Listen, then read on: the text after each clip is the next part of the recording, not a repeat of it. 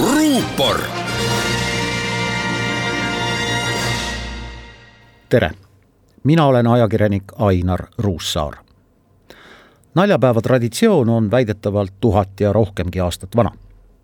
kestab kõigele vaatamata siiani ja kohati edukalt lapsed tõmbavad mind juba aastaid esimese aprilli hommikul, mil ma poolunisena tööle hakkan ruttama, haneks pähe kulunud sul on pükstes auk naljadega mind ja nii mõndagi minu kolleegi teeb naljapäev aeg-ajalt aga hoopis pahuraks.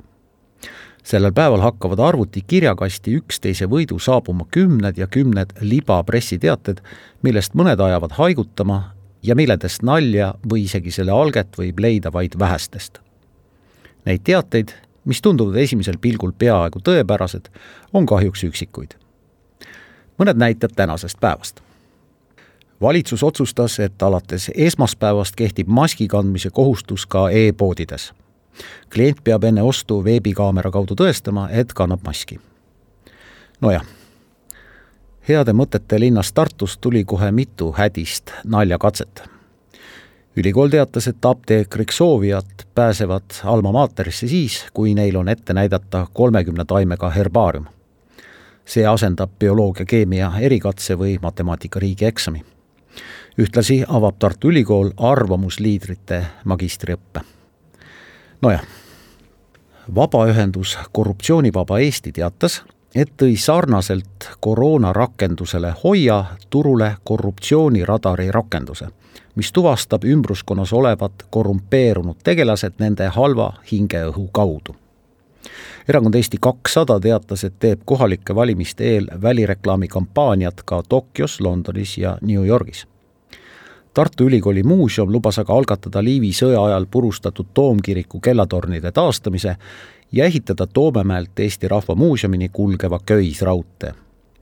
selles viimases teates on tunda isegi veidi loovust, aga ikkagi, nojah. teisi arvustada on teadupärast alati lihtne. seepärast püüan meenutada, milline mind ennast haneks tõmmanud aprillinali meelde on jäänud aastaid tagasi jätsid kolleegid uudisteagentuurist mulle töölauale sedeli telefoninumbri ja kirjaga proua Jänes palus tagasi helistada. selliseid kirju jätavad ajakirjanikud oma kaaslaste laudadele mitu korda päevas.